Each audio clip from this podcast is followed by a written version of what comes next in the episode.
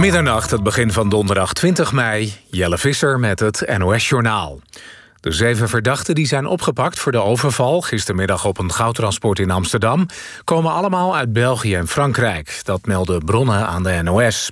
Zes van hen werden aangehouden bij Broek in Waterland. Daarbij schoot de politie ook een verdachte dood. De zevende arrestant werd later opgepakt op de A16 bij Rotterdam. Burgemeester Halsema spreekt van een ongekend heftige overval. De daders gebruikten automatische wapens. De Haagse politie heeft deze week al 161 wapens verzameld.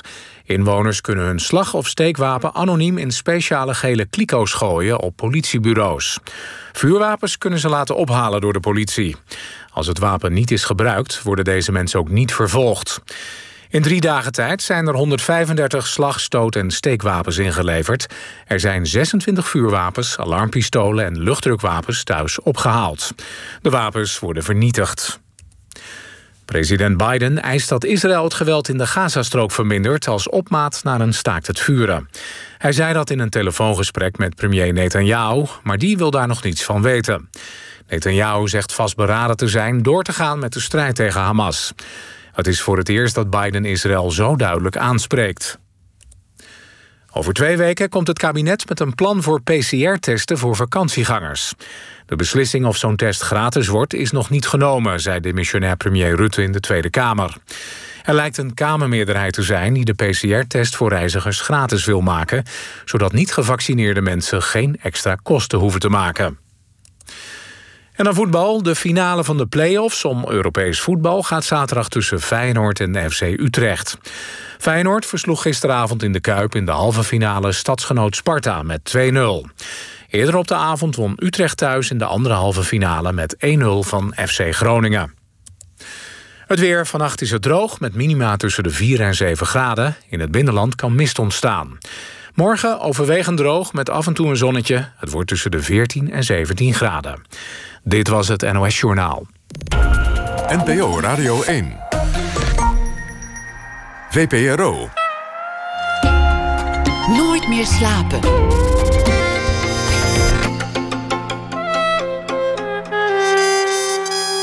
Met Pieter van der Wielen.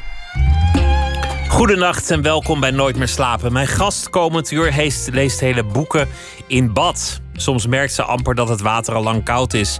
En als ze daar dan achter komt, doet ze er een beetje warm water gewoon weer bij. Uren lezen tot ze helemaal gerimpeld eruit komt. En boeken leest ze altijd helemaal uit als ze er eenmaal in is begonnen. Met de stapels boeken die zij verslindt, zou je een hele dorpsbibliotheek kunnen runnen. Hele bomen worden ervoor omgekapt. Als kind las ze ook al de hele godganse dag. Ze groeide op in Hamme, Oost-Vlaanderen. Ze zegt dat ze helemaal geen bijzondere herinneringen heeft aan die plek. De kerk dan misschien, want het is Vlaanderen. Het is daar toch altijd kerk of kroeg. Ik denk kerk, want gesproken woord is haar leven geworden. Gesproken woord, dat is jezelf onzichtbaar maken, maar dan toch gehoord worden. Ze heeft er zelfs les in gekregen, voordrachtskunst. Er bestonden zelfs hele colleges dictie. En toen is ze op een gegeven moment gezakt omdat iemand vond dat haar stem niet mooi zou zijn. De grond moet toch onder haar voeten weg zijn gezakt. Maar de geschiedenis zou de docent terecht wijzen. Want Rut Joos is een van Vlaanderens meest geliefde radiostemmen. Ze begon bij Studio Brussel, later bij het Vlaamse Radio 1. Heeft daar zo'n beetje alles gedaan wat mogelijk is. En sinds deze lente is Rut Joos ook in Nederland een verdette. Nu ze op televisie het literair programma Brommer op Zee presenteert samen met Wilfried de Jong. Die titel Brommer op Zee die komt van een uh, kort verhaal van Maarten Biesheuvel. Bleken ze in Vlaanderen, waar het programma ook wordt uitgezonden, nauwelijks te kennen. Maar goed, iedereen weet, een brommertje moet je even lekker aantrappen. Rut Joos zag het licht in 1976. Rut, welkom. Zal ik dan nu vertrekken? Want het beste heb ik gehad, denk ik. We hebben het wel, hè? Dat, dat, zei, waar, dat ja. zei, je ook in die eerste aflevering ja. met, met Wilfried Zena. Volgens mij hebben we het mooiste gehad. Maar een, ja, ermee. een begin is ook heel belangrijk, toch? Dus als dat goed zit, ja, dan heb ik heel dikwijls het gevoel... laat maar zitten, hier ga ik niet overheen, vrees ik vanavond. Ja. Als jij naar het café gaat, ben je dan ook als eerste weg? Nee. Als laatste? Nee, ergens onderweg. Ik, ik, um, ik, café heeft bij mij toch ook te maken met, uh, met alcohol. En ik stop altijd op tijd. Je bent niet iemand van, van de kotskater? Nee. Nee, dat zint me niet, dat ligt me niet. Ik drink heel graag een glas, maar ik hou altijd op um, voor ik de controle verlies. En dan laat ik anderen wel die richting uitgaan, maar dan uh, verlaat ik het pand. En als het niet in een lawaaiig café is, maar je, je, drinkt wijn met vrienden, dan pak je poëzie erbij en dan zeg je nu allemaal koppen dicht, nu ga ik een gedicht voordragen. Dat zijn zeldzame momenten, maar als ze gebeuren, dan zijn ze van een vergaande intimiteit, ja. Want dat vind ik toch wel iets, dan laat ik me wel echt zien. Het is me overkomen, ja. Dan laat je je echt zien. Wat, wat bedoel je daarmee? Nou, ik vind poëzie iets heel um, intiems. Als je, als je prijs geeft waar je. Er wordt gewoon heel makkelijk gelachen met poëzie. Met, ook al de manier waarop jij daarnet zei, voordrachtkunst. Hè? Dat klinkt ook zo, voordrachtkunst. Um, ik herinner me als kind werd er wel eens aan mij gevraagd: doe nog eens een gedichtje. Doe nog eens een gedichtje. Alsof het dat. Sta eens op de stoel, buig eens door je knieën en doe eens een gedichtje. En dat. Um, daar hangt iets klefs rond. En je moet het, denk ik, als je het durft, als je het aandurft om het te zeggen, is het um, voor mij althans heel intiem, ja, want dan laat ik me wel kennen. Dus in die poëzie vind je de waarheid die je dan tegen je vrienden zegt laat je meer zien van jezelf dan de hele avond daarvoor? Nou, dat weet ik niet. Maar, maar ik vind het wel iets kwetsbaar om, om, om hardop iets durven voor te lezen, wat heel dikwijls gezien wordt als iets. Um, uh, ja, voor, door veel mensen als iets moeilijks of als iets klefs of als iets. Als, als het niet goed gedaan is, uh, is het gewoon niet goed genoeg. Je moet het ook mooi brengen. Wat voor gedichten zijn dat? die, uh... dat heel goed, vind ik. Wat was de laatste keer en wat voor gedicht pak je er dan bij? Ja, dat zal dan toch altijd wel um, mijn grote liefde zijn. En dat is uh, Hugues Sepernat. Ik, heb, ik, heb, uh, ik ben daar een beetje mee getrouwd. Man Zelfs dus... een beetje op afgestudeerd, toch eigenlijk? Een beetje wel, ja. Op drie gedichten.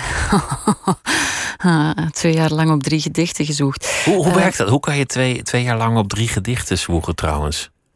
Ja, omdat je dan alles eromheen, zo gaat dat toch aan de universiteit, dan blijf je lezen, dan lees je er alles omheen en dan heb je het gevoel dat je helemaal in, in het werk van die persoon zit en dat je elk woord echt begrijpt. Wordt het daar mooier van of minder mooi? Ik heb dat nooit verloren. Dat is iets wat, wat mij vaak eh, ja, waar ik vaak wel over nadenk, nu ook, nu, nu er heel veel gelezen wordt weer. En, en niet altijd de dingen die ik zelf zou kiezen meteen in mijn vrije tijd. Um, ik raak dat niet beu, nee. En dat is een beetje, denk ik, zoals je um, een interview met een gast voorbereidt. Je, je duikt er helemaal in, dat je denkt, ah, nou weet ik wel genoeg. En dan op het moment dat je praat met iemand, uh, weet je het wel allemaal, maar je vergeet het ook weer en je kijkt elkaar aan. Ik denk tegenwoordig steeds vaker nu stoppen met voorbereiden. Ja, dat is dan, een heel... Dan maai je jezelf het gras voor je voeten weg, gewoon kappen. Ja, op een bepaald moment. Je moet kunnen nu ben ik nieuwsgierig en nu gaan we erin. Ja, zo had ik vanmiddag een Zoom-vergadering over een van de uh, boeken en auteurs waar we, waar we um, zondag over spreken, met spreken in, uh, in Brommer op Zee. En ik dacht ook op een bepaald moment, we waren zo lekker aan het praten. En ik zei, laat maar komen, we doen het anders nu gewoon. Gewoon beginnen. Ja, kom, gooi je eens notenboom hier gewoon bij, we doen het nu. Ja. Die voordrachtskunst, hè, dat, ja, het klinkt een beetje komisch als je het zegt. Ja, college, college Dixie. Dixie, ja. Dat, dat, dat vind ik ook een beetje komisch. En dan het moment dat iemand zegt: Jouw stem, jij gaat het nooit redden. Je hebt het verkeerde vak gekozen. Ga maar weer naar huis, mevrouw Joos. Wat, wat was dat voor een moment? Hoe ging dat precies? Uh, twee jaar op rij, denk ik, ben ik uh, wij noemen dat gebuist. Uh, had ik een, onvol, een onvoldoende. Wat, wat is gebuist? Is gezakt? Is onvol, ja, gezakt, gebuist. Ja. Een onvoldoende voor stem. Ja. Een dikke, bui, een dikke vette buis, zeggen we dan.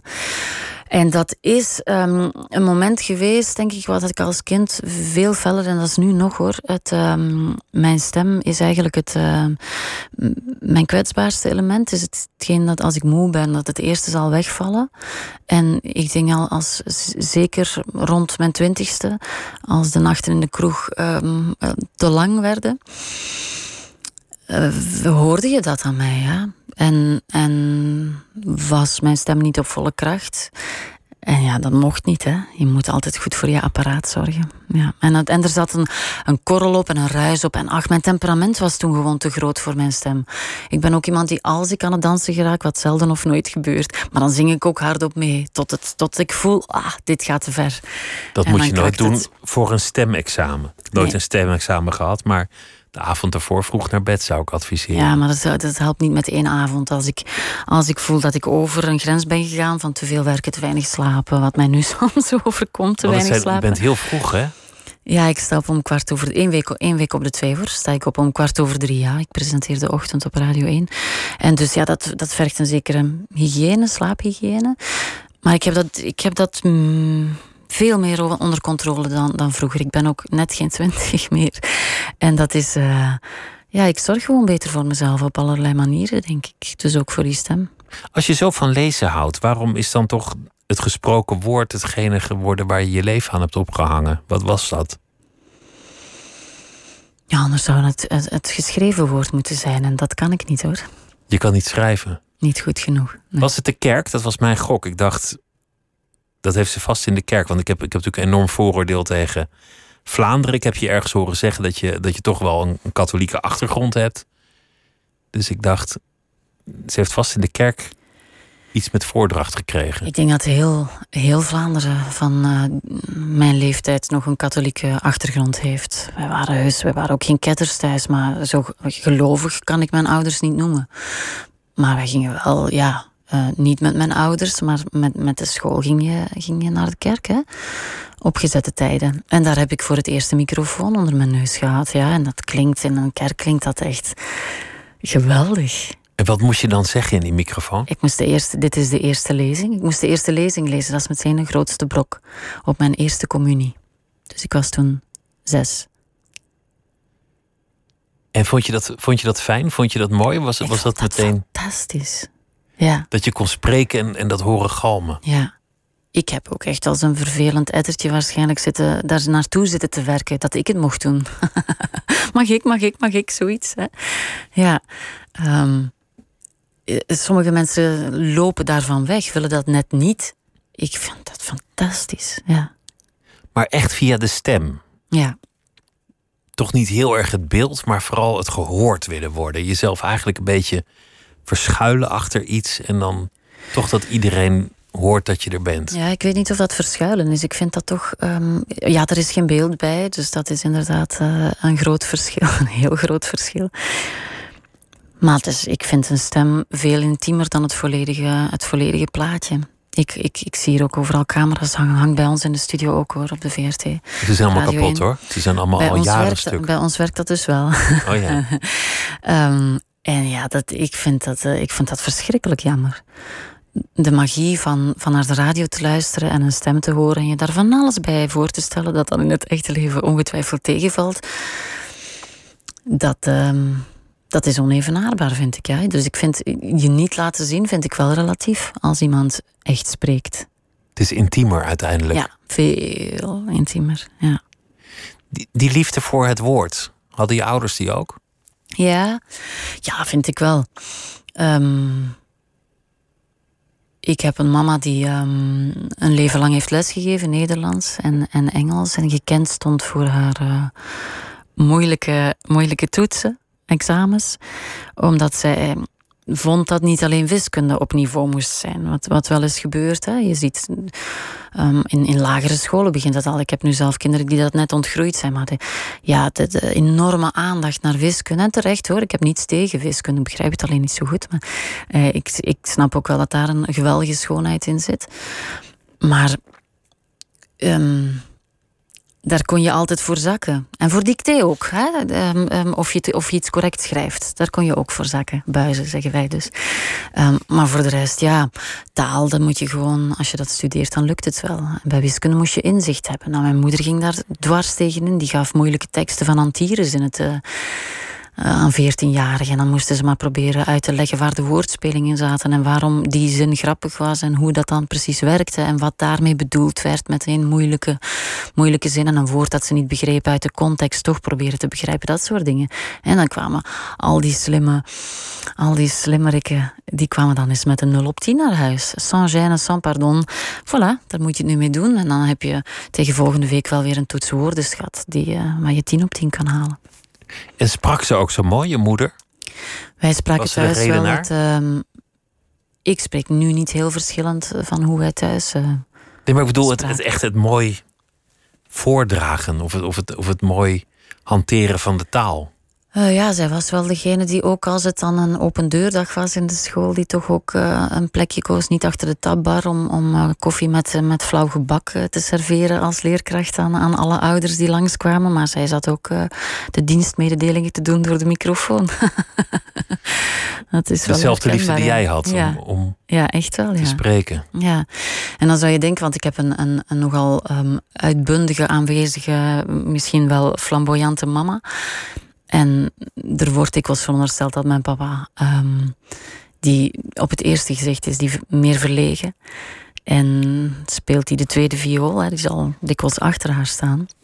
Maar die duwt haar wel naar voren. En die geniet er enorm van als het, uh, als het luid en veel is. En ik denk dat je nooit weet hoe dat dan exact werkt. En hoe, hoe luid hij eigenlijk uh, kan zijn. Nou, luid. Um, hoe hij ook eigenlijk geniet van taal. En ons altijd met Franse chansons heeft opge opgebracht. En ja, als we in de auto zaten, ik kan... Ja, de hele kleinkunstcollectie en, uh, en alle Franse chansons. Dat was mijn vader die dat uit het hoofd kende en ons uh, daarmee heeft opgebracht. Hè.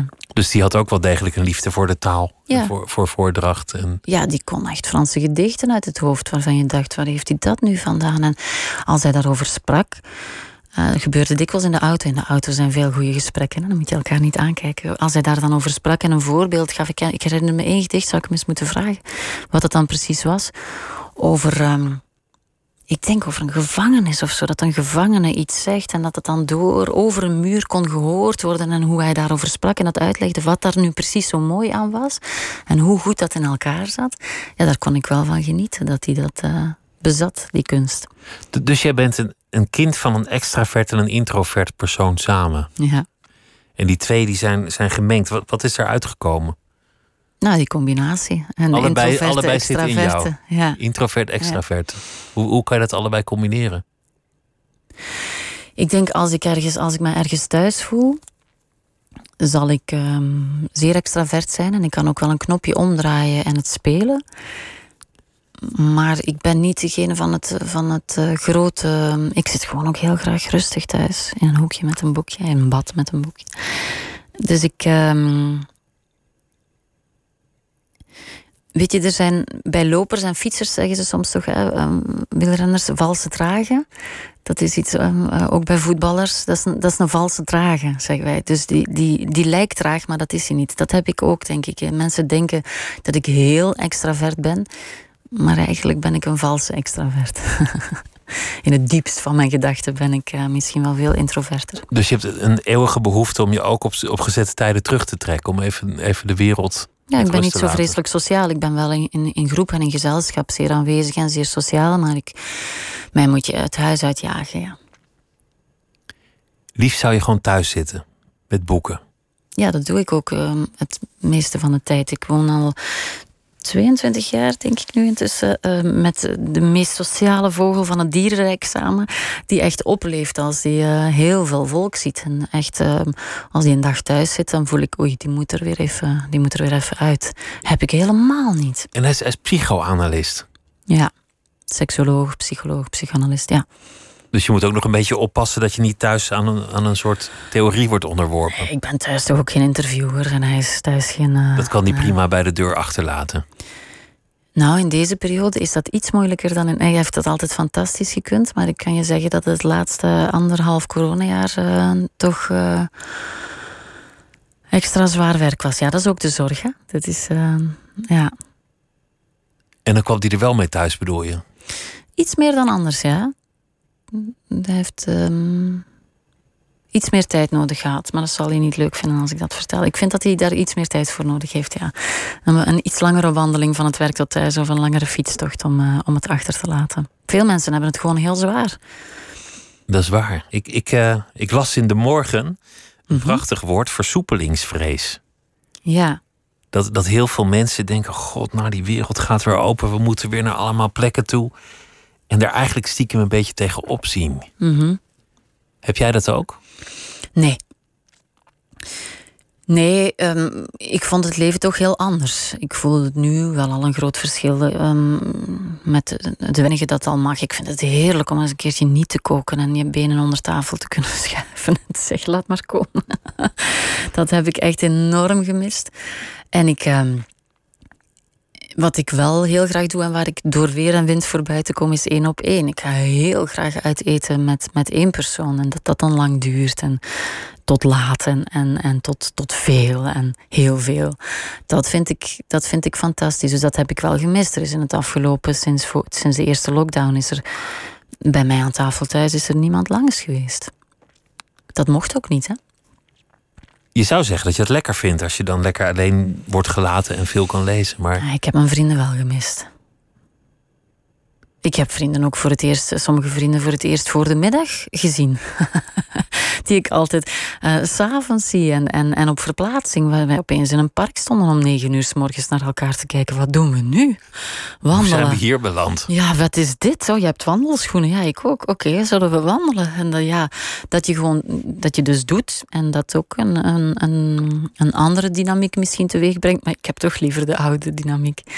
Toch de wereld weer terug. Ja het was iets wat ik laatst bedacht: dat, dat er heel veel boeken en films waren de, de jaren voordat dit ons allemaal overkwam. Over het thema je afsluiten voor de wereld, je terugtrekken. Mm. Mensen die in bossen gingen kamperen of buiten de samenleving stonden. Je, je hebt op een gegeven moment uh, My Year of Rest and Relaxation heette dat Tessa boek. Ja. En die had, een, die had een prachtig boek geschreven over iemand die een jaar lang met behulp van slaapmiddelen op een hotelkamer besluit de samenleving terug te keren. Eigenlijk zoekend naar loutering. Ik, ik dacht eigenlijk heeft die lockdown ook zonder corona een beetje in de lucht gehangen. Er was een soort behoefte bij veel mensen aan een pauzeknop. Ik heb die vrouw, ook, uh, die vrouw ook geïnterviewd, dat Tessa Mosveg. Ja. En, uh, ik heb was het een bijzondere ontmoeting. Ja, het was geen makkelijk, uh, geen makkelijk gesprek. Wat fantastisch is, hè, als iets niet makkelijk is. Maar is dat wel ik humor? heb dat wel graag. Ja, ja. Maar zij heeft ook, um, zij is ziek, hè? dus zij heeft uh, heel veel pijn. En dat is iets dat bij haar natuurlijk ook meespeelde bij het schrijven van dat boek, denk ik, om, om, om, om daaraan ook te ontsnappen. Als, wat zou het geven als ik nu gedachte-experiment doe, dat ik er gewoon, dat ik een jaar niks meer voel ook gewoon. Dat was het ook, denk ik. Even een jaar echt voelen. niet bestaan. Ja. ja, vrolijk werd ik niet van dat boek.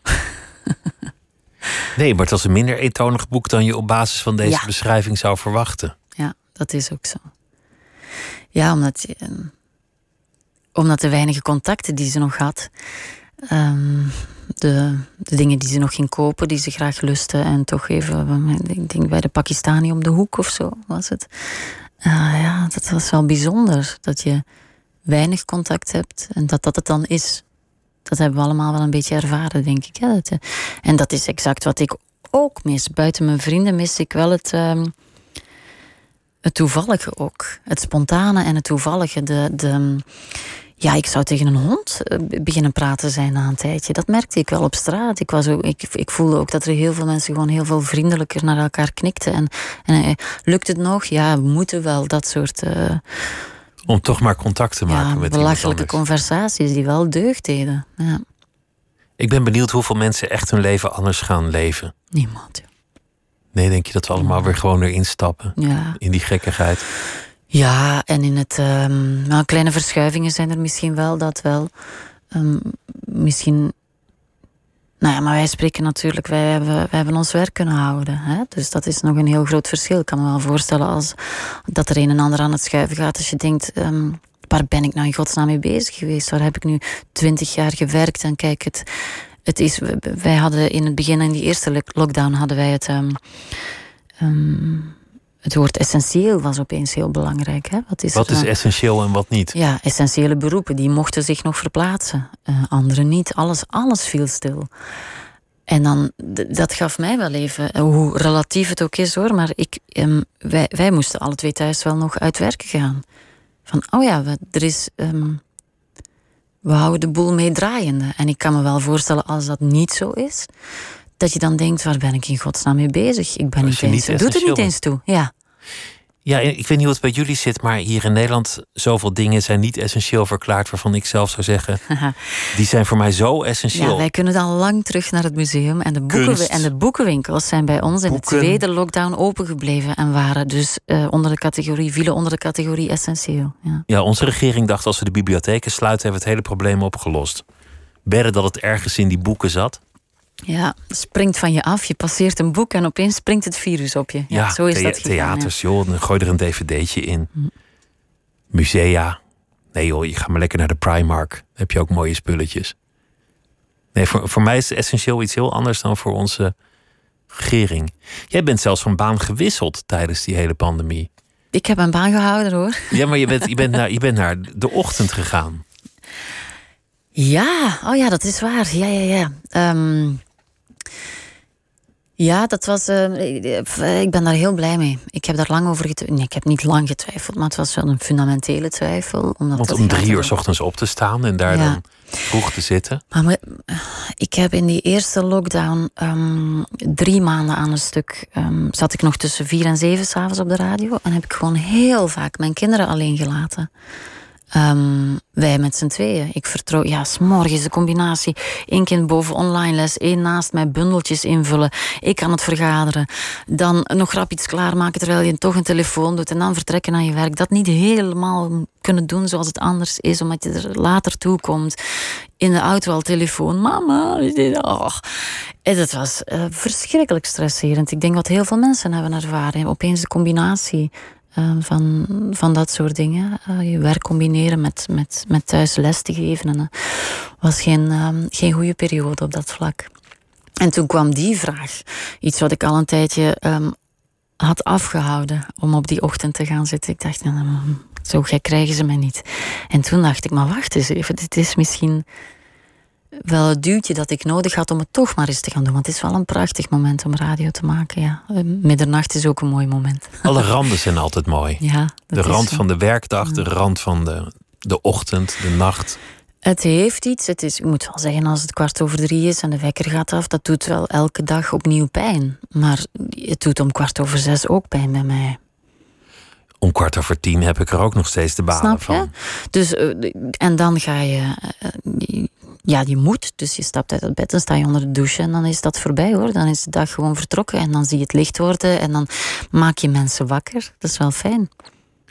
Je hebt heel veel cultuur gedaan. Je hebt, je hebt ook sport gedaan. Je hebt eigenlijk alles gedaan op de radio. Nu is het toch ook wel heel veel echt nieuws ja. wat je doet. Zeer zeker, ja. Het politieke interview. Gewoon de feiten boven tafel krijgen. Dingen uitleggen toch, toch vind ik dat je daar ook wel, wel in floreert. Dat je dat ook wel ligt. Hoe niet literair dat in essentie ook is. Ik heb daar um, lang aan getwijfeld om die, om die stap uh, te zetten. Um, exact voor wat, hoe, hoe, jij het nu formuleert, denk ik van ja, dat zijn uh, de feiten. En, uh, ik voelde me als een vis in het water bij culturele praatprogramma's. En ja, dat was mijn thuis, mijn, mijn huisje. Dat was allemaal oké, dat ging goed. En dan ehm, ja, die volgende stap, volgende, nou ja, in, in iets andere richting. Ik heb toen gedacht, ja, dat zijn. Want dat zijn programma's die over de hele wereld door iedereen worden gemaakt. Hè? Um, s ochtends zit hier ook iemand van zes tot negen. Zeker. Ja, en uh, in, de, in de vooravondspits wordt ook dat soort programma gemaakt. En als je dat in Frankrijk beluistert, is dat ook zo. En als je dat in Duitsland, is dat ook zo. Dus dat is ook gewoon overal zo. En toen dacht ik, ja, dat is, uh, je schrijft je gewoon in in een, in een heel groot ding dat er is, hoe het gebeurt. Je, je, gaat niet opeens een ochtendprogramma maken en zeggen: um, hier hebben we, we gaan het even helemaal anders doen. Ja. Dus dat is, maar ik dacht toen, ja, ik wil nu wel eens een keertje gaan voor het, um, het kleine verschil. En waarin zit dat, dat kleine verschil? Dat probeer ik echt nog altijd. Uh, ik, ik, weet niet of ik er altijd in slaag, vast niet. Ja, dat je met een andere achtergrond. Dat je als je niet meteen daarin bent gegroeid als een soort um, puur um, hard politiek interviewer. Als je daar op een andere manier bent ingegroeid. Dat je het op je eigen manier blijft doen. En dat je niet. Um, ik denk dat ik iets meer afstand heb. Ik heb geen enkel uh, telefoonnummer van een politicus in mijn telefoon. Geen enkel geen enkele woordvoerder. Ik weet niet hoe jullie dat hier noemen. Dus uh, degene die. Ja, hetzelfde. Ja, okay. um, onbestaande. Ik, dat, um, ik zit niet mee in die. Um, je kijkt van een afstand. Ja, ik zit niet in Haag. Of bij ons is dat aan de wedstraat. Uh, daar kom ik niet. En dus ik, ik probeer die afstand uh, te bewaren, zodat je telkens opnieuw beseft van: oké, okay, maar waar gaat het nu? Waar gaat het nu over? Ook dat politieke gekrakeel is niet mijn eerste bekommernis. Wat deze partij heeft, heeft gezegd om, om, om een prikje te geven en, en dan te zorgen dat die stemmers weer overtuigd worden. Dan denk ik, ja, maar het gaat over, over beleid. Ehm, ik wil het heel graag altijd over de inhoud hebben, ook met hen. En dat is een gevecht. het, is, het is in België ook wel vaak nog net iets ingewikkelder dan hier omdat wij twee verschillende talen spreken en, en zoveel gewesten hebben. En, en zelfs dan ben je er nog niet. ja, nee, dan ben je er nog niet, ja. Het is, het is complexer. Maar we hadden het over de kerk en, en jouw favoriete muziek heeft toch allemaal iets met, met dat kerkelijke te maken. Nick Cave is, is, een, is een grote held van jou. Uh, ja, dat is een beleving natuurlijk. Dat, is, ja, dat, dat zijn, bijna, dat zijn toch bijna. Het zijn hoge priesters, ja, ja. Dat zijn, ja. Maar dat is tegelijk ook een duivel hoor. Ik, heb die, ik weet dat hij nu de laatste tijd, en ik heb ook die, die ja, je kan het geen show, die avond, dat ritueel bijna meegemaakt van, waar je vragen kunt stellen. En dat hij gewoon een die gesprek Conversations with Nick Cave. Dat was een zeer intense ervaring. Maar ik heb hem ook nog meegemaakt dat, het echt, uh, dat je er schrik van moest hebben. Dat is gewoon echt ook een, een gevaarlijk beest vind ik ook heerlijk. Ik heb die nog telefoons uit mensen hun handen zien slaan. Omdat ze niet mochten filmen. En, en dat je denkt van straks komt hij de zaal en die bijt iemand gewoon de nek over. Ja, vind ik ook, ook maar, heel maar de echt wilde dagen met birthday party, die heb jij ook niet meegemaakt. Nee. Eigenlijk ook te, te jong daarvoor. Jammer hè? Het, eh, die, die man is heel... Ja, hij heeft natuurlijk een groot noodlot meegemaakt. Hij is ja. een kind verloren. Mhm. En die, dat enorme verdriet heeft hij omgezet in heel veel werken, maar ook in zijn kwetsbaarheid tonen aan zijn publiek. Die dan met hem in gesprek gaan en ineens ook dingen vertellen die ze hun eigen echtgenoot nooit verteld hebben. In een zaal waar dan ook een soort vertrouwelijkheid heerst. Hij zegt het geloof ik ook, hè, van jongens niet filmen, niks opnemen, niks verlaat dit theater. Ja, dat is de afspraak. Eh, nu klinkt het echt als een ritueel. Het gaat allemaal heel vanzelfsprekend hoor. Het is gewoon een soort. Uh, ja, dat is ook iemand die als je die ziet. Uh, zo'n iconisch, uh, iconisch figuur ook. Ook qua houding, dat haar, dat, zwart, dat belachelijk zwart geverfde haar. En dan die, uh, die, die, die, die, die, rare kop en die rare houding en die smalle benen en die, die geweldige pakken. En hij komt op en ja, dat is, dat is gewoon iemand die je al van in je jeugd kent, hè? Zo is dat ook wel bij dat soort figuren. En die hij komt op lang mee. Ja, en die zegt dan... Uh, we hebben één afspraak, hè, wat hier gezegd wordt, is inderdaad vertrouwelijk. Dit gaat niet naar buiten. En dat, uh, dat is ook, je voelt ook gewoon, oké, ja, doen we. Ja. En dat heb je toen op de radio ook niet gedaan toen je daar nog verslag van deed? Ja, de dag erna. Ja, wel, wat voor vragen worden daar dan zo gesteld? Vroeg, uh, wat een goede vraag is uiteraard. Want ja, uh, kaartjes zijn zeer gegeerd en je raakt er niet zomaar binnen. Ik heb mijn kaartje trouwens gewoon gekocht en ik, ik, was, ik had gewoon heel veel geluk. Um, ja, dus wie er niet bij was, wil wel weten, ja, wat gebeurt er dan en wat wordt er dan zoal verteld? Ja, dat, geef je dan niet prijs, want dat heb je beloofd. Ja.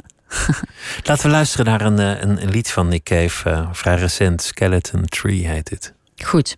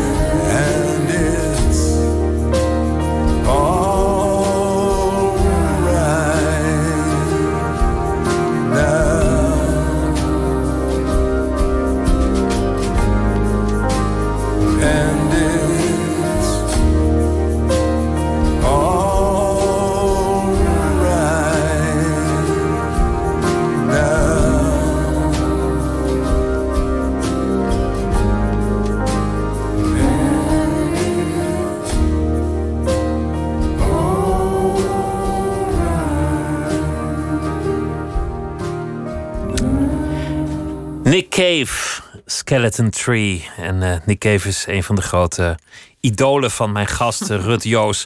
En Rut Joos is hier te gast vanwege het programma Brommer op Zee. Sinds een paar weken op zowel de Vlaamse als Nederlandse televisie te zien. En voor wie luistert in België is Rut Joos een bekend geluid. Want ze heeft vele radioprogramma's al gepresenteerd op de Vlaamse radio.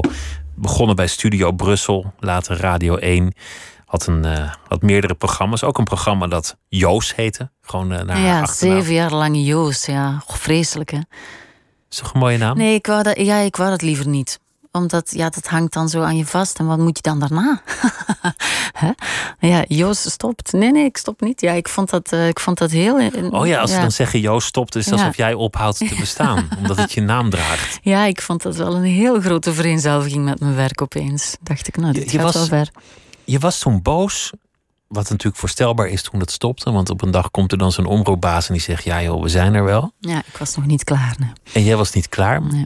Maar wat de meeste mensen dan doen is naar buiten zeggen: Ach, nee, ik ben ook wel toe aan een nieuwe uitdaging. Of er zijn allemaal trucs om, om, dat, om die woede te bezweren en de Had sfeer. Had je me dat niet vroeger kunnen zeggen dat daar trucs voor zijn? Maar jij ging gewoon vol in de krant en je zei van: Nou ja, dat, dat management van de radio, ah, ja. dat, dat stelletje, ik weet niet wat jullie in België zouden zeggen. Ze zijn gek geworden en ze hebben het bij het verkeerde eind. En ik ben, ik ben gewoon pist. Ja, is niet zo slim, hè? Maar dat is, het is ook wel weer heel erg leuk ja, dat ja. je dat doet. Want, want je zou zeggen, nou ja, Rut Joost die leest graag en die, die is heel lief en die uh, is een beetje introvert, extravert. Maar, maar je, je kan ook wel met je vuist op tafel slaan, kennelijk. Ja, dat ging toen heel. Um, ik, ben, ik ben er wel overheen hoor. en het heeft me veel nieuwe dingen gebracht. Maar ik was toen echt wel. Ja, dat. Uh, het, het, het, was op alle mogelijke manieren gewoon um, niet goed afgehandeld. Het, het, het, was gewoon niet goed. Het was gewoon niet goed geregeld. En dan word je boos, maar dan, dat, je kan boos, ook boos worden. Je bent ook wel iemand die dat laat zien en dan op zo'n moment ook niet. Uh, ja, al heb ik daar, um, als je mij dat opnieuw, als ik dat opnieuw zou doen, zou ik dat, uh, dat zou ik echt wel anders doen. Dan zou je ook zo'n zo'n tactische formule van ik was toe aan een nieuwe uitdaging in goed overleg. Ik weet niet of ik die woorden zou gebruiken, maar ik denk dat ik langer zou wachten voor ik er um, een interview over zou geven. Snap het, was, je? het was in de hitte van het moment, bedoel ja, je? Het duurde wel al even, maar het was, het was nog te vers, ja. ja. Ik, ik kon nog niet, want ik kon het ook nog niet relativeren. En hoe gênant is dat? Het gaat maar over een radioprogramma, man. Pff, het was alsof de wereld was ingestort. Dat, is, dat vind ik nu wel een beetje gênant, ja. De pijn was heel vers en de pijn was ook reëel hoor. Ik, schaam me daar niet voor. Ik schaam me wel voor uh, het, het, het, gebrek aan relativering dat ik toen had, ja. Ik ben wel op, op laatste afleveringen van radioprogramma's geweest. Ik dacht, nou, ik ben op begrafenissen geweest die vrolijker waren dan dit. Dat mensen dan echt doen. Zo van, nou ja, met het ophouden van dit programma stopt eigenlijk ook een beetje het debat en daarmee ook de democratie. Dat en is daarmee. Dus niet zo, hè? Nee, ja. natuurlijk niet. Ja. Er komt wel weer een nieuw programma. Tuurlijk. En andere mensen doen wat ik toen deed zeker even goed. En uh, daar had ik gewoon even tijd voor nodig om dat te beseffen. Ik zat er gewoon veel te hard middenin. En dat, uh, dat zou ik niet meer doen. Hè. Ik, zou, ik heb er ook geweldig veel van geleerd. Dat ik zo de fout ben ingegaan. Hè? Ja, dat is heel, heel leerrijk geweest. Wie zijn dan de mensen die tegen jou zeggen: Doe nou niet? Goeie vraag. Nou, zelfs toen denk ik mijn kinderen. die, die, werd, die werden de opvoeder. Klein. Die werden gek, ja. Die, ja, het was ook wel overal waar ik kwam, iedereen sprak me erop aan. En dat was gewoon, ik kon nergens komen. Of, ah, wat, een, wat erg, ja, zo erg is. Maar ik, ik begon het erger te vinden omdat iedereen het zo erg vond. En ik weet dat mijn dochter op een bepaald moment gewoon antwoordde in mijn plaats. En die was toen echt wel nog klein. Die, die ging gewoon voor mij staan en die zei: Ja, ja, ja, ja, het stopt. Ja, en ze vindt het erg. Ja, dankjewel. dus toen had ik moeten beseffen: Oh ja, als die het al is, dan, uh, dan moeten we misschien uh, over iets anders beginnen te praten. En zo erg is het natuurlijk nee, tuurlijk, allemaal niet. Tuurlijk niet. Voor, voor veel mensen in België was je lange tijd toch ook het zusje van. Dat, je, dat jou, jouw broer. Filip, dat is, dat is een, echt een groot sportverslaggever in, in, in Vlaanderen. Iedereen ja, dat is een voetbalman, hè? Ja. Iedereen weet wie hij is. Ter wereld. Iedereen weet wie hij is, ja. Maar dat, dat is ook een, een, een kant van jou, voetbal. Ja, ik, ben, ik, ben, um, ja, ik vind voetbal fantastisch. Ja. Ik heb een seizoenskaart ook, hè, dus ik... Uh, Van welke club? Beerschot. Antwerpen. Ja, nee, ja de Antwerpen. Ant, je hebt Antwerpen en je hebt Beerschot. Dat is heel belangrijk. Maar het is, het is een Antwerpse club. Maar, ja, we kunnen er met de fiets naartoe, ja. Maar met een, met een heel gekke geschiedenis. Want het, het heet dan Beerschot ja, ABC, zeven, BAC, CDA. zijn 305 fusies later. En uh, ja, de ziel is er niet uitgehaald. Laten we het daarop houden. Wij zijn gewoon op een bepaald moment... Uh, voor de eerste keer als we in Antwerpen kwamen wonen... daar gaan kijken, als bij toeval. En dat was in een, in een jaar met prachtige voetballers die daar waren. En dat is, um, ja, we zijn beginnen kijken en dan, dan verlies je je hart aan, aan een ploeg. Dat is heel, heel leuk. Maar ik ben niet iemand die ik ga naar het voetbal en als die andere ploeg, uh, wat heel dikwijls gebeurt bij Beerschot, beter voetbal speelt, dan zie ik dat ook en dan, vind, dan geniet ik van, het, van de andere ploeg. Oh, dan ben je gewoon ineens voor de tegenstander, ja. want die zijn vandaag beter. Ik, ik, ben er dan niet voor, maar ik zie dat wel en ik, uh, ik vind dat uh, ook mooi om naar te kijken. Ja. Hm. Ben je een familiemens? Ben je heel echt met je broer? Nee. Nee. Nee, wij zijn heel. Uh, wij, wij werken op hetzelfde, in hetzelfde gebouw. Maar nee, wij zien elkaar niet zo heel veel. Nee, onze kinderen uh, spelen samen. Dat vinden we allebei wel leuk, denk ik. En um, nee, wij hebben niet zo heel veel contact. Nee. Gewoon als broer en zus. Ja. Maar niet de deur uh, platlopen nee. of, of dat soort dingen. Wilfried de Jong, jullie kwamen elkaar tegen in een, in een programma dat, dat, hoe heet het programma ook alweer? Kraakland. Dat heeft Kraakland. Twee, twee, weken bestaan, ja. Tien twee, afleveringen. Tien ja. afleveringen. en Zie wat er van komt. En Wilfried die ging doen wat hij het liefste doet, namelijk plaatjes draaien. Ja, daarmee heb ik hem verleid. Ja. En nou, hij kwam met heel veel jazz aan. Toch ook nog met Stevie Wonder. Dat, dat verraste iedereen. En hij, hij was opgewonden, want hij mocht gewoon praten over wat ja. hij het allerleukste vond. En toch ontstond er tussen jullie een vriendschap. Ja, ik, um, ik hou ook heel veel van jazz. Dus ik. Um, en ik volg Nederland natuurlijk ook. Ja, ik zeg natuurlijk, voor mij is het heel vanzelfsprekend. Ik bedoel, ik luister heel dikwijls naar dit programma. Echt waar? Ja, zeker. Ja. Uh, het, soms zelfs morgens in de auto al. op weg naar, naar het werk. Ik, ik heb altijd alles gevolgd. Ik bedoel, ik luister naar. Ik kijk ook wel even wat zat er gisteren in met het oog op morgen om te zien. Uh, hebben wij dan iets gemist dat nu. Ja, ik vind voor mij is dat heel vanzelfsprekend. Dus Wilfried was iemand die ik al heel lang. Uh, ken. Ik wist ook gewoon dat Wilfried um, heel veel vinyl in huis had. En ik was dus een heel mooi lijstje aan het samenstellen met allemaal mensen die van vinyl hielden. En opeens dacht ik, oh, moet er niet nog een Nederlander bij? Oh, oké, dan vraag ik het gewoon aan meneer de Jong. En ik heb um, een mailtje gestuurd waar hij niet op geantwoord heeft. En dan heb ik vriendelijk nog eens dat mailtje teruggestuurd van ja, luister ik, um, en dat is ook zo. Ik, ik, ik vind een nee heel vanzelfsprekend. Ik hou heel hard van mensen die zeggen nee, dit ga ik niet doen. Want ik, ik, ik vind het ook heel fijn dat mensen schaars zijn op zichzelf en niet overal maar ja op zeggen. Maar ik wist wel dat dit een voorstel was dat hem wel zou kunnen bekoren. Een eerbaar voorstel. En zo viel het ook echt hoor. Toen hij mijn mailtje dan eens goed doornam, uh, was hij meteen, ja, ik kreeg meteen tien minuten daarna een antwoord dat we met heel veel uitroeptekens. Ja. En daar stond hij. Toen was hij een soort levend uitroepteken, ja, die uitzending. Kreeg er amper een woord tussen. het, was, het was leuk om naar te luisteren. En toen, jaren later, kwam dit programma. En toen, toen was het eigenlijk duidelijk van, van jullie moeten dit gaan doen.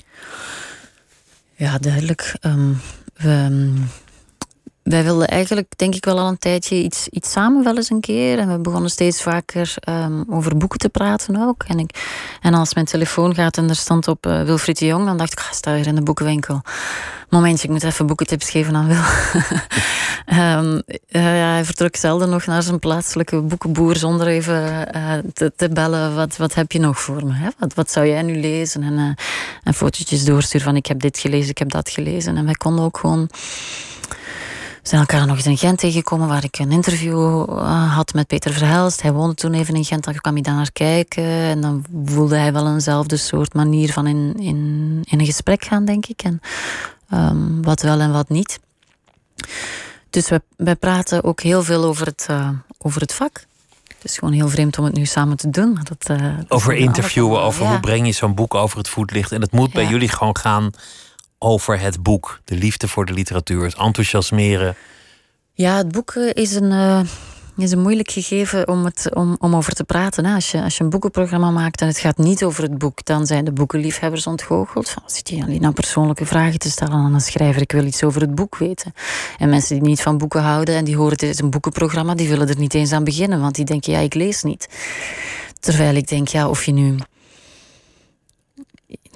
ja, ik heb dat helemaal niet. Maar ik ben natuurlijk ook zo snel geïnteresseerd in alles. Als iemand maar vol overgave of net heel ehm, eh, rustig. Maar, maar als je in, in iemand zijn ogen een soort um, passie of obsessie ziet over om het even wat, dan ben ik al snel geïnteresseerd. Dan wil ik het wel weten. Al die, dat soort opvattingen over wat mag en wat niet mag in een literair interview, moet je mm. volgens mij gewoon meteen het raam uitgooien. Daar moet je helemaal niet over nadenken. Nee, dat werkt niet, hè? Ga gewoon op je interesse af. doe, doe wat je goed dunkt. Ja. En als het persoonlijk is, is het persoonlijk. Is het, is het abstract, is het abstract. Al die regeltjes weg ermee, joh. Ja, maar dat is toch bij alles altijd zo. Maar het wordt alleen maar een probleem als het over een boekenprogramma gaat, toch? Ja, dan, dan doen mensen een beetje soort plechtig, nemen ze een hoed af en dan. Ja, of dan hebben ze, hebben ze er ook ehm, nog veel meer een mening over dan over andere dingen. Wat trouwens zeer welkom is hoor. Iedereen mag uh, zijn. Ja, ik heb ook mijn eigen mening over van alles. Veel te veel. um, maar het is, het is wel iets bijzonders, ja. Dat mensen, als het, als het over een boek gaat, is het opeens. Uh, of te commercieel, of, het, of het is. Uh, ja. Ja, er hangt een soort klagerige sfeer omheen soms. Maar... die voelen wij niet. Die voelen wij bij de redactie niet. Het is een hele leuke bende. Die voelen wij het niet uh, met elkaar. Uh, ja, ik, zoals ik daarnet zei, wij zaten vanmiddag te vergaderen. En dat is gewoon echt dolle, dolle pret. Ja, denk je, oké, daar gaan we. Daar gaan we. Ja. Het komt op mij over alsof, alsof jullie die gesprekken ook durven te laten ontsporen.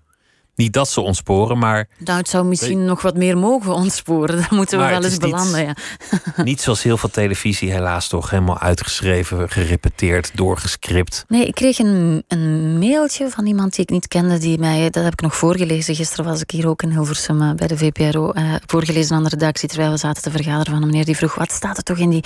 Uh, schrijft u altijd met potlood, mevrouw Joos? Omdat ik blijkbaar een potlood in de hand heb tijdens de uitzending. Let ik niet zo op, maar goed. En um, houdt u ook van pen? En wat staat er toch in jullie schriftjes? En dat is geen geheim. In die schriftjes staan een paar woorden. als leidraad. Uh, een, een, paar dingen waar ik van. En dat zijn niet dezelfde woorden bij Wilfried als bij mij. we hebben verschillende, verschillende woorden. Hij leest wel nog eens, uh, en ik ook hardop, de dingen voor waar hij naartoe wil. Zo een, half uur voor we eraan beginnen. Oh ja, ik dacht hier ruimte, goed gevoel. Um, groen gras, dat was uh, mijn gevoel bij dit boek. Hè. En dan zeg ik, ja, ik, ik had toch nog even dit en dan, oh, ja, snap ik niet. Nee, ik snap dat van, ja, nee, we zien wel. Dat is het echt. Ja, maar wij praten eerst um, uren over, over de boeken die aan bod komen hoor. Waar, waar gaat het over? Wat haal je eruit? Wat is er mooi? Wat is er belangrijk? Wat is er dit? En dan en vervolgens ga je, ja, zoals het gaat, hè, je verzamelt alles en dan verdicht zich dat. En dan um, je gaat er een hele week mee aan de slag in je hoofd. En dat wordt dan intenser en dichter. En dan heb je verwachtingen die je dan weer moet bijstellen van ja, misschien is het toch niet zo. Je mag niet te veel verwachten of niet.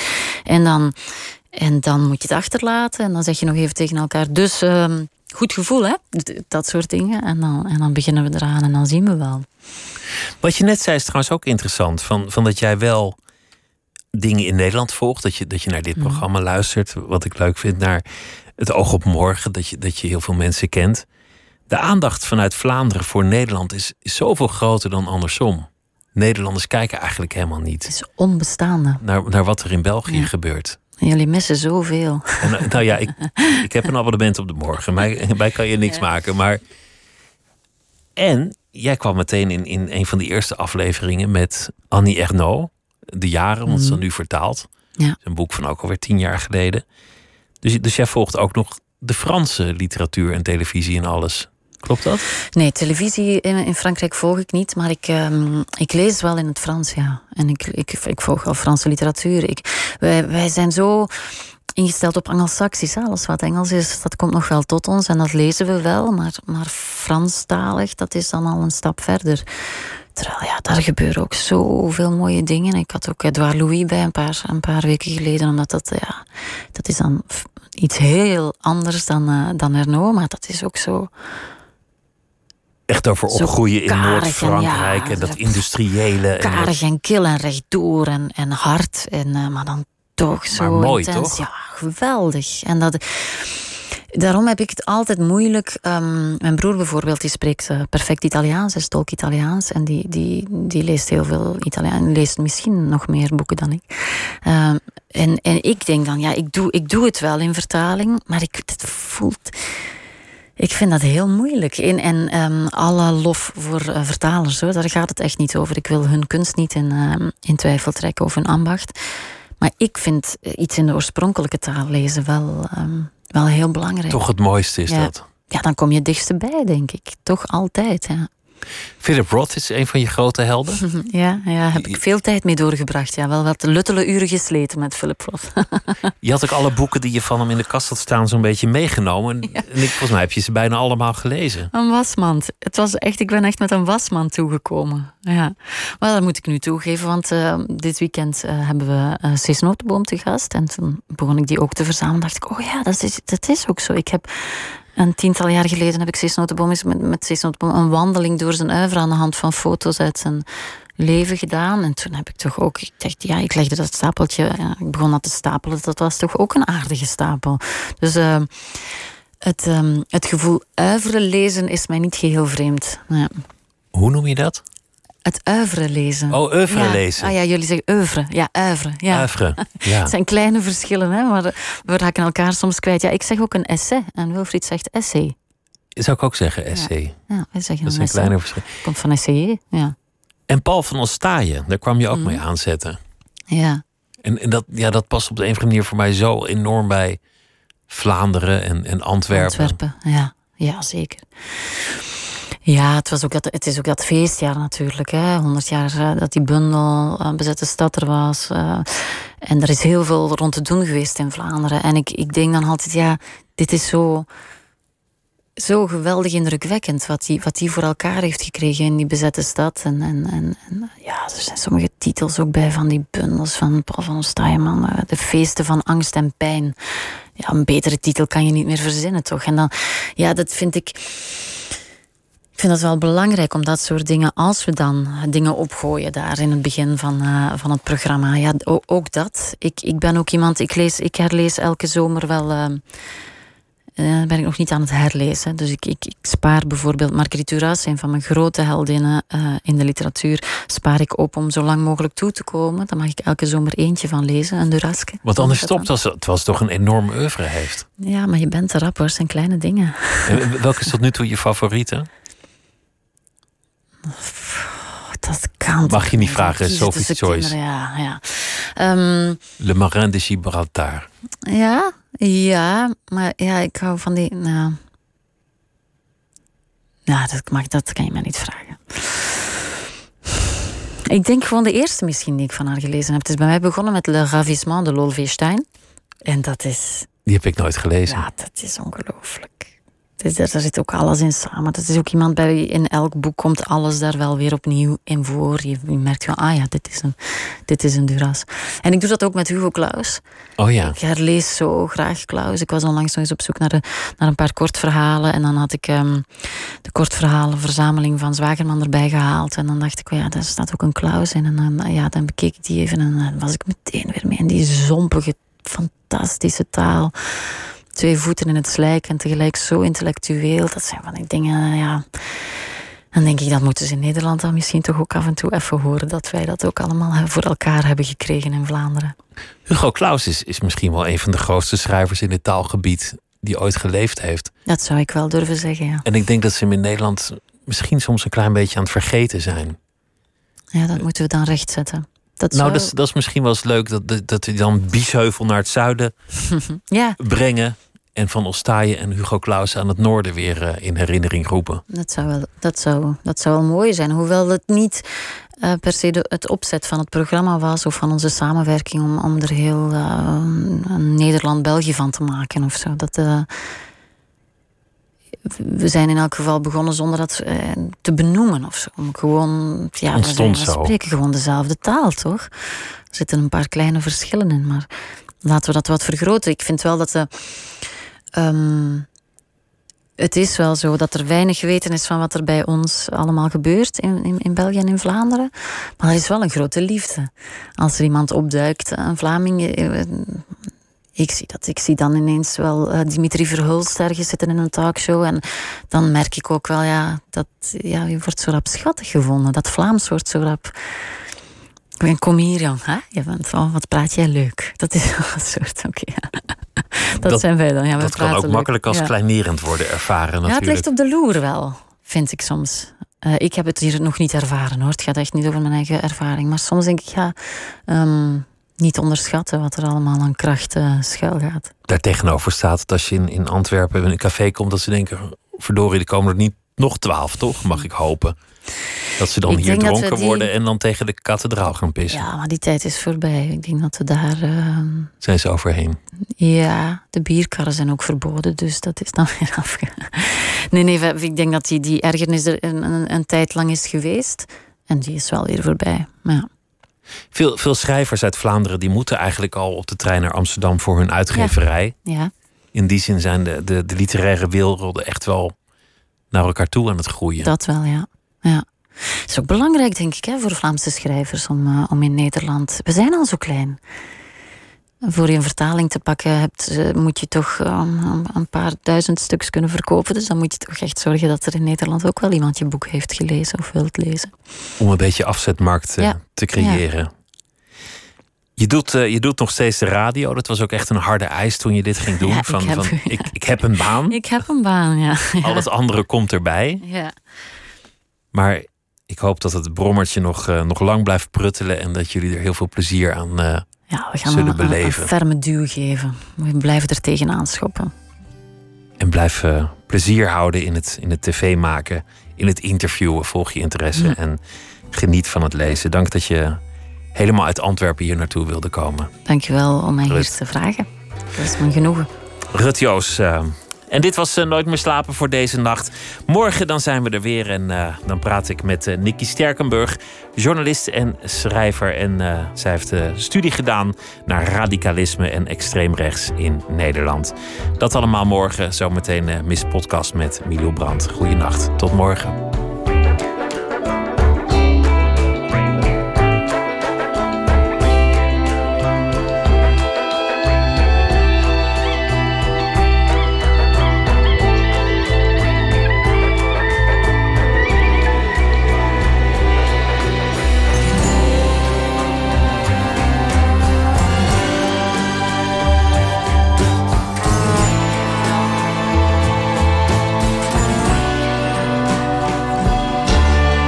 Radio 1. Het nieuws van alle kanten.